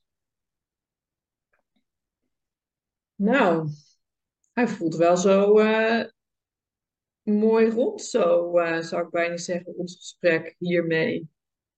Ja. Ik zei al dat ik veel kon lullen, toch? dat is ook handig, toch, in een podcast? Ja, ja soms is het wel handig. Ja, soms is het wel handig. Ja, voelt hij voor jou ook rond zo? Uh... Of zou je nog iets willen vragen of delen? Of, uh... Nou, ik denk het enige wat, wat, ik, wat ik nog voel, en, en dat is wat ik dit jaar ook heb gezien, bij mezelf heel erg ontdekt is, en, en, en dat, is, dat, is, dat, dat weeft met alles wat er gezegd is hier, maar dat, dat iets wat heel erg naar de oppervlakte begint te komen, is, is een heel diepe eenzaamheid. Dat is hmm. iets dat bij heel veel mensen een soort zielstype alleenheid. En daaraan ook het, het gemis van. Ik denk dat heel veel mensen beginnen voelen van er mist iets essentieels. Ja. En dan is de valkuil, en dat vind ik een heel belangrijk, en dat is echt een, een ook een, echt een, een pilaar van hoe dat ik werk. Mensen gaan, voor mijn gevoel, te snel naar het verlangen. Mhm. En, en het is echt cruciaal om bij het gemis te blijven. Om de, om de pijn, en dat is pijnlijk werk, dat is om de pijn van het gemis te doorvoelen in al je cellen. En ik merk dat in mijn eigen leven, als ik die fase oversla, dan komt mijn verlangen niet tot de volle wasdom. Dus het is bijna in die, eigenlijk een metaforisch, in de winter rijpt de lente. Zonder de winter. Voelen, ja. En iedereen wil maar naar de lente dat is kleurig, bloeiend. Maar, maar de lente, de lente die wordt geboren in de winter eigenlijk. Ja. Zo is dat. En dat is en zeker maatschappelijk. Ik denk dat het heel. Nu is echt een tijd, en daar hebben we elkaar heel erg voor nodig, om echt te rouwen voor het gemis. We zijn elkaar kwijtgeraakt. We zijn. Is een auteur, David Brooks, en die zegt: We have learned the wrong things to love. Hij zegt, we zijn, we zijn van de verkeerde dingen gaan halen. Geld, mm. status, carrière. En in plaats van zeggen, we moeten nu dit en dit gaan bouwen. Nee, we moeten eerst gaan rouwen om wat er hier... Ja, ja, wat voor miskraam dat we hier eigenlijk hebben. Wat, wat, wat voor... Ja, wat voor een valse God dat we zijn gaan aanbieden. En het gemis daarvan, de pijn van wat er niet is. Ja, en, en en tegelijkertijd denk ik ook dat, dat ik vind het verlangen wel, ja, ik vind het verlangen volgen wel heel mooi. Want het brengt ook, het brengt ook in waar je naartoe wilt bewegen. En ik denk als je echt het verlangen volgt en echt de deur naar je verlangen openzet, hè, als je het echt openzet, dan hoort daar dus ook rouw bij en daar hoort ook verdriet bij. Ehm, ja, altijd. Ja. Je wilt iets, je kunt alleen verlangen naar wat er niet is. Ja. Alleen mensen willen verliezen. Ik, ik merk daar echt bij, voor het heel plat geslagen, ik zie dat in komt, maar voor mensen die single zijn en een relatie willen, daar zie ik dat heel vaak.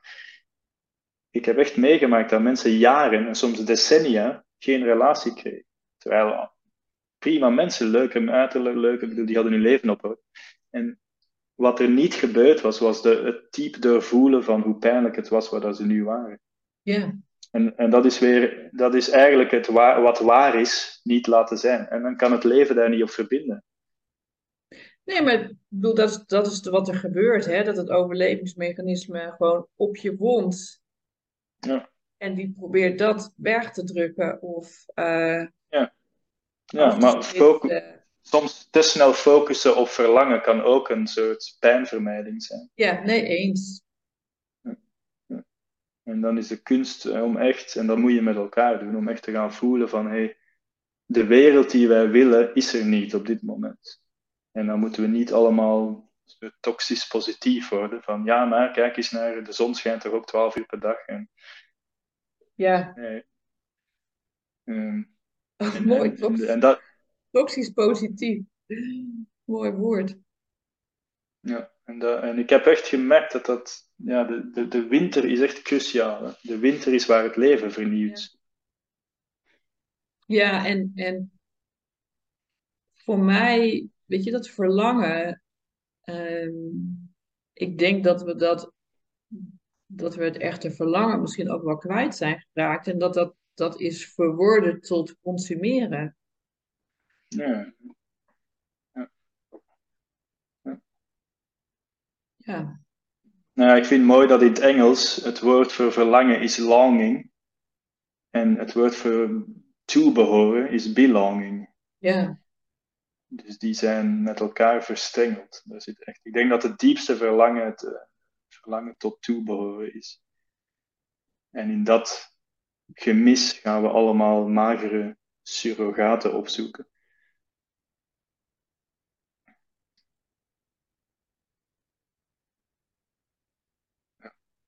En dat is wat ik ook gemerkt heb in mijn ervaring op die, in, die, in die mannengroepen eerst. Als ik daar zat, alles, al mijn neurose, al mijn neurotische afleidingen, afweer vielen weg, smolten weg. Ik moest daar niks voor doen, dat verdween gewoon. Ja. En, en al de surrogaten waar ik normaal naartoe ging, eten, ja, vrouwen, uh, uh, werken, denken. Denken is ook een verslaving. Ja, ja. Uh, telefoon, dat, dat viel weg. Dat was, om, dat was omdat ik diep gevoed werd in een soort zielsverlangen. En ik denk, uh, en dat is misschien een afsluiter, is dat er heel veel ego-verlangens ja, ja. geboren worden op de plek waar we het zielsverlangen niet meer ingevuld krijgen. Ja. Ja, want als het dan leeg is, dan moet dan toch iets, dan moet toch iets voor in de plaats. Ja, ja. Nou, en, en onze ziel, John O'Donoghue, dat is een Ierse poëet, die zegt: No soul is private. En onze ziel is de plek waar we altijd samen zijn. Een, ziel is een wij eigenlijk. Een ziel is geen ik. De zielentaal kent geen, kent geen ik. Dat is, een, dat is altijd een wij. En ik denk doordat we dat verloren zijn, dat, dat er dan heel veel zoektocht gaat in, ja, of heel veel energie gaat in het in een soort artificieel oppeppen van een ik. Ja. En met alle gevolgen voor onze ecologie, voor onze, voor onze planeet. Dus ik denk, en dat is eigenlijk mijn missie. Ik, ik, ik wil het ik niet afbouwen, ik wil mensen een ervaring van het wij geven.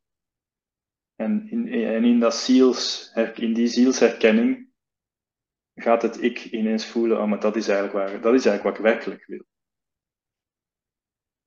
Hetzelfde met verslaven. Als ik met verslaafde mensen werk, ik ga nooit de verslaving afbouwen.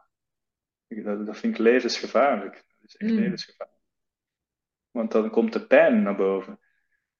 Ik ga met hun werken op de relationele insluiting, de, de steun, de omhulling waar hun pijn doorleefd kan worden. En dan, dan, dan daalt de verslaving gewoon. Ja, dan, dan valt het andere wel weg. Verslaving is ook een balsem, is een poging tot het balsemen van de zielswonden.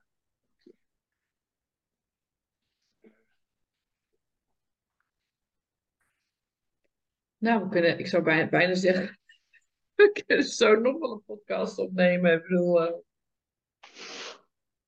ja, dus Ja. dankjewel. eh we hebben zoveel aangeraakt en er is nog zoveel meer aan te raken.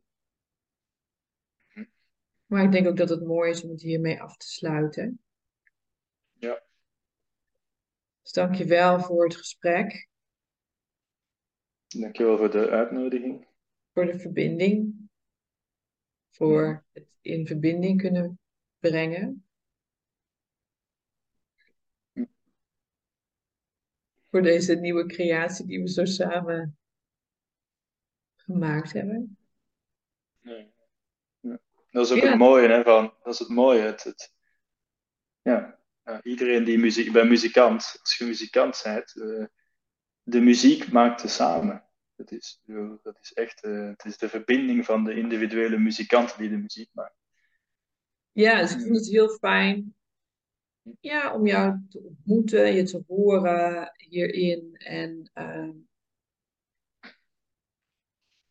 ja, jou te ervaren. Ja.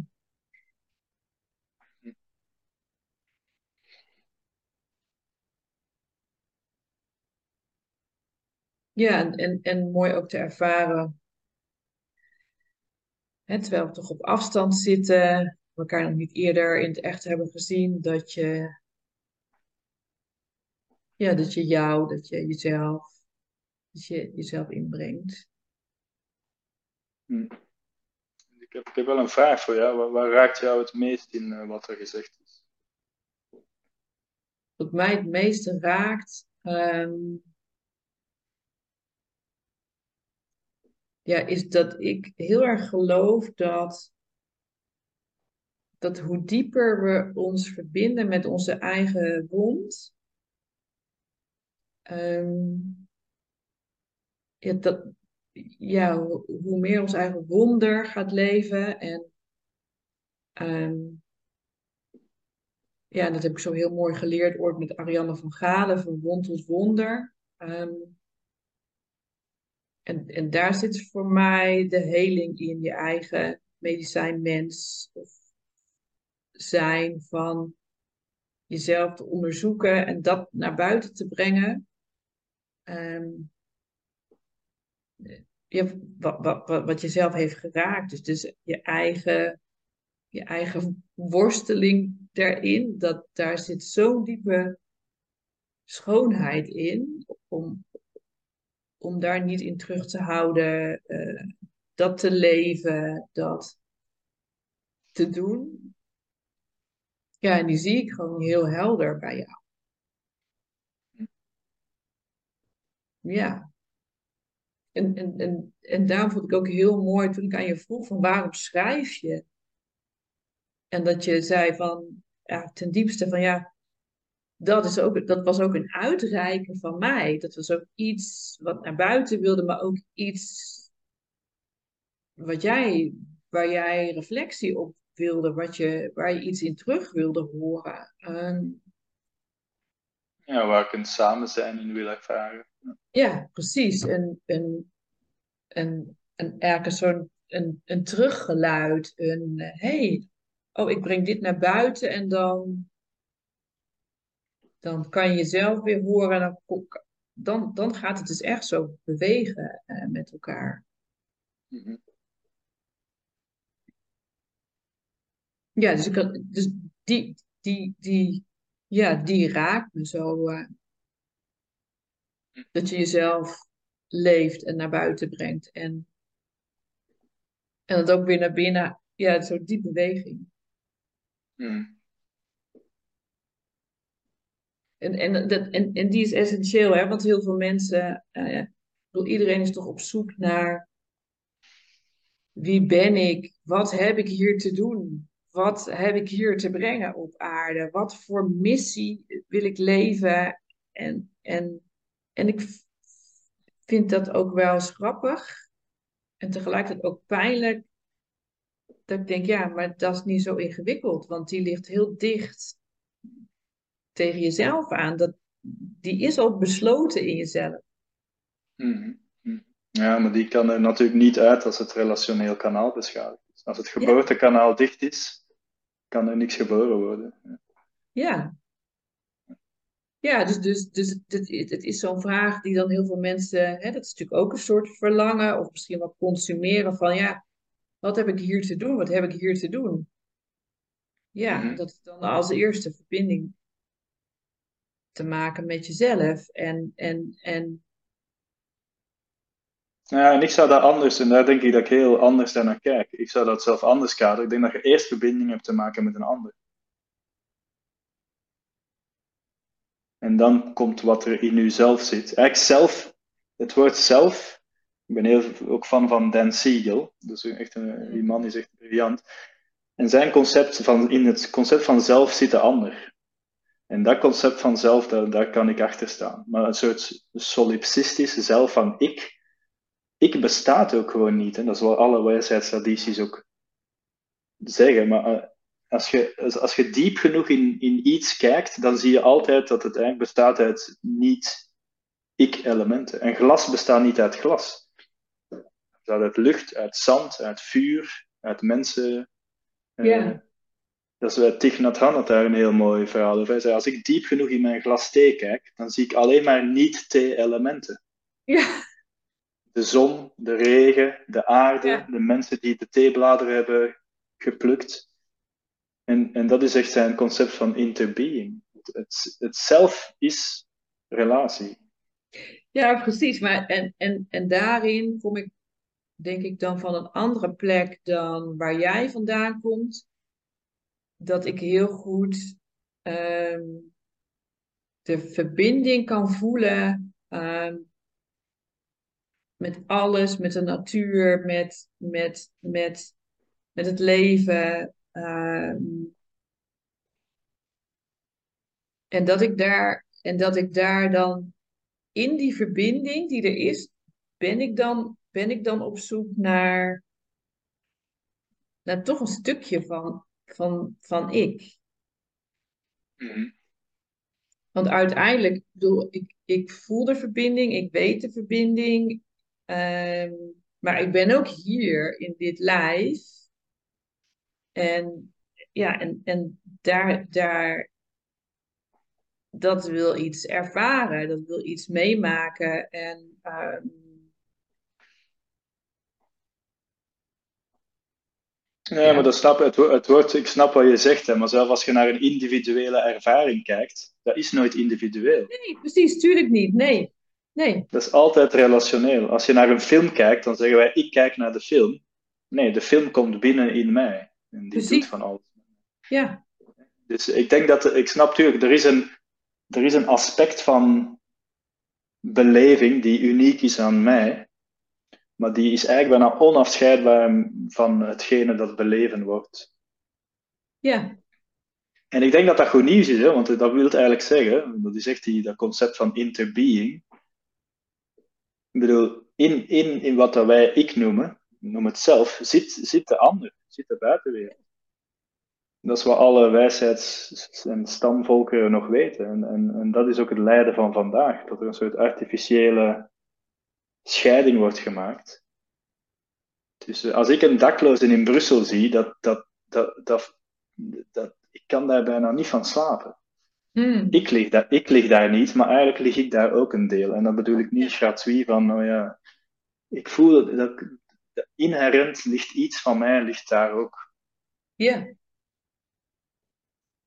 En dat is denk ik, dat is dichter bij de werkelijkheid dan, uh, dan hoe we in het Westen uh, nou ja, het ik, een soort artificieel van het wij zijn gaan. Eigenlijk, uh, in het ik zit een wij en in het wij zit een ik. Dat kun je eigenlijk niet van elkaar scheiden.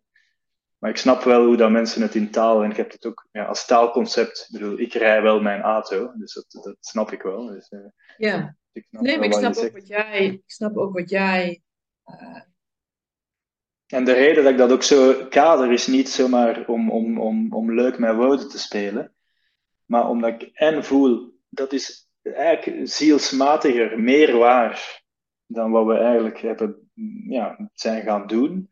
Maar twee, als we de heling en de maatschappelijke crisis willen oplossen, dan, dan, dan moet je naar die interwevenheid gaan kijken naar die relationaliteit. Want het is eigenlijk, alle crisissen zijn een crisis van relatie. En dan is het dus niet, oh ja, ik ga nog een persoonlijke skillset uh, verwerven. Uh, ik bedoel, in de businesswereld, Google heeft een heel mooie studie over psychological safety, de Aristotle Project. Dat is al even geleden. En daar kwamen ze eigenlijk na jaren studie uit. Het beste team het meest onderscheidende element van het beste team, ook in output, hè, dus ook financiële output, mm. was het team waar het meeste relationele veiligheid was.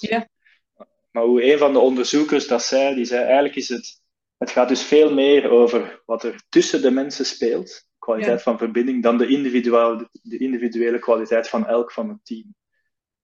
En dat staat natuurlijk haaks op hoe dat we 60 jaar talentwerving hebben. Het gaat dus niet over individueel talent, het gaat over relationele gevoeligheid. Ja, en die, die, die klopt voor mij ook. Ehm, dus, laat maar zeggen, voor het nieuwe professioneel is dan ehm, niet uh, zo ver mogelijk achterover zitten met je stropdas en uh, roepen: jij moet dat doen. Maar dat is heel erg. Ehm, oh ja, dit, dit voel ik erbij. Hoe is het voor jou? Waar zit jij dan? Wat gebeurt hier? En, en kunnen we werkelijk met elkaar verbinden op, op, op, op, gewoon op het mens zijn? Wat gebeurt er in jouw mens zijn? Ja. Ja, en nog niet eens, voor, nog niet eens later voor de psychologie, of de, maar als besef van hey, de, de katapult voor succes is relatie. Dus je kunt prima dat gebruiken als ik wil de beste zijn of de meeste impact creëren in dit domein. Maar de katapult is, is de relatie. Dus ik ga gewoon keihard op die relatie investeren. Vanuit authenticiteit en niet vanuit een trucje, want dan werkt dat natuurlijk niet. Maar ik zeg vaak, hè, als, je, als je elf Cristiano Ronaldo's in je team hebt, dat, gaat echt, dat is echt niet het beste team. Dat is misschien de, de beste voetballer, of hmm. toch een van de beste voetballers ter wereld. Maar dat gaat waarschijnlijk echt een verschrikkelijk team zijn. Want dat zijn allemaal individuele topkwaliteiten die geen verbinding met elkaar kunnen. En, en dat is datzelfde met, je hebt zo van die supergroepen, ik ben muzikant, je hebt zo van die supergroepen waar ze de, de, best, de beste gitarist met de beste drummer, met de beste bassist, dat zijn vaak echt geen goede, die maken geen goede muziek. Nee. Dat zijn individuele virtuosen, maar die maken geen goede muziek. Nee, en voor mij is het dan, dan uh, ken je dat dan? Die, die spreeuwen en zo in de natuur, die spreeuwen die dan zo met elkaar vliegen. Of uh, van die scholen vis. Of, uh, ja, die morphic resonance. Ja, ja precies. Dat, daar zit dan echt zo'n soort collectieve intelligentie in. Ja, ja, ja, ik zou dat de ziel noemen. Dat zou ik ziel noemen. Ja, oh mooi dat beweegt als één, omdat dat, dat is één. Ja, dus die vogels die hebben allemaal hun, uh, trauma's uh, wel uh, doorleefd en aangekeken. En, nou ja, die, die, zijn, die zijn waarschijnlijk nooit uit de relatie gevallen. Want eigenlijk is trauma, als je met trauma werkt, dat is een verbroken relatie. Dat is altijd een verbroken relatie, is de, is de trauma. Ja. En dat is dan begonnen in feiten, maar dat leeft in ons voort. Ja, wat buiten ons verbroken is, dat leeft in ons gefragmenteerd voort. Ja, precies. Als ik, als ik met mensen werk, dan gaat het vaak over herstel van binnen. Maar dat doe ik via onze relatie. Dus in het moddelen van het herstel van buiten, herstelt er iets van binnen. Ja. En dat toont ook weer dat het, het, is, het, het, het zelf is relatie. Het zelf herstelt als het terug thuis komt in zijn originele staat. En dat is volgens mij relatie. Maar goed, dat, dat is een heel, dat is soms bijna een filosofisch concept. Hè, maar ik denk als je, Ja. als, je in groeps, als je in groepswerk, of mannengroepen of vrouwengroepen, of zweethutten of vuurlopen, dan, dan voel je dat. Dan voel je, hey, ik loop wel over het vuur, maar wij, wij lopen hier over het vuur. hè. Dat is, of ik zit in de zweethut, maar, maar we- er is hier iets in mij dat veel groter is dan mijn afgesneden lichaamsomhulde identiteit. Ja, precies. En ze zijn beide waar. Hè? Ik heb een afgesneden lichaam. Dat kan ik gewoon, ja, dat is gewoon zo. Dat is ook handig om te beseffen als je in een drukke winkelstraat loopt. Maar dat is niet, dat is een aspect van mijzelf. Nou, dat was dan nog even een mooie vraag voor jou.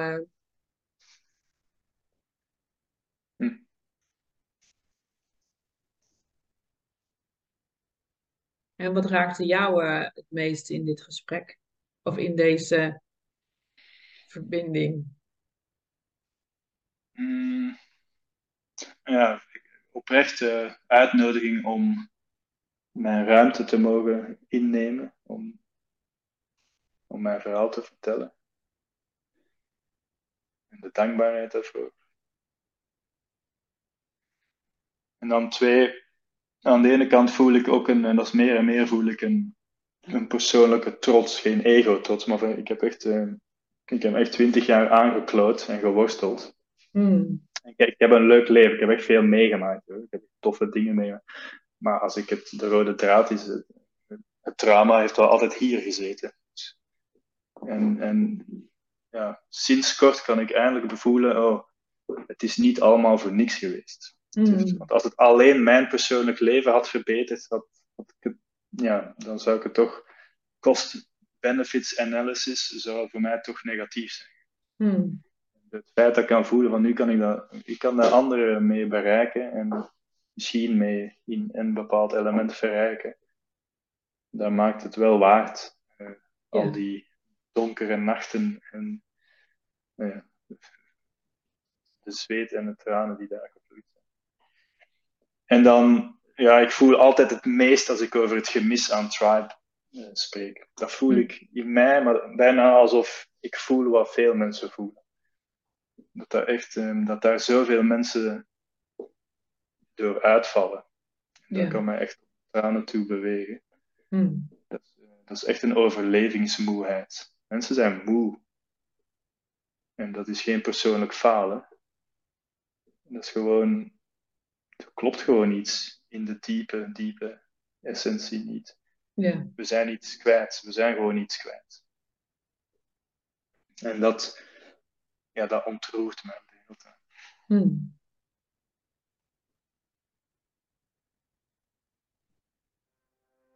Dus dat. Hmm. Dankjewel. Nou, dan ronden we hem nu hierbij echt af. Ja, Ja, wil ik je ja, bedanken voor het luisteren. En ik ga nog veel meer podcasts opnemen met mannen in gesprek. En ik vind het heel leuk om te horen ook eh, wat, er, wat er bij jou wakker is gemaakt. Wat je ervan vindt, hoe het voelt, wat er eh, gebeurt in jou en hoe het je raakt. En je bent heel welkom om dat ook te delen met mij. Stuur me een mailtje of een pb'tje. Ehm, ik ben heel benieuwd. En ook als je denkt, oh, Nicolette, ga toch eens in gesprek met deze man. Ja, laat me dat ook vooral weten. Nou, ik wens je een hele fijne avond, dag, middag. Daar waar je ook zit en met wie je.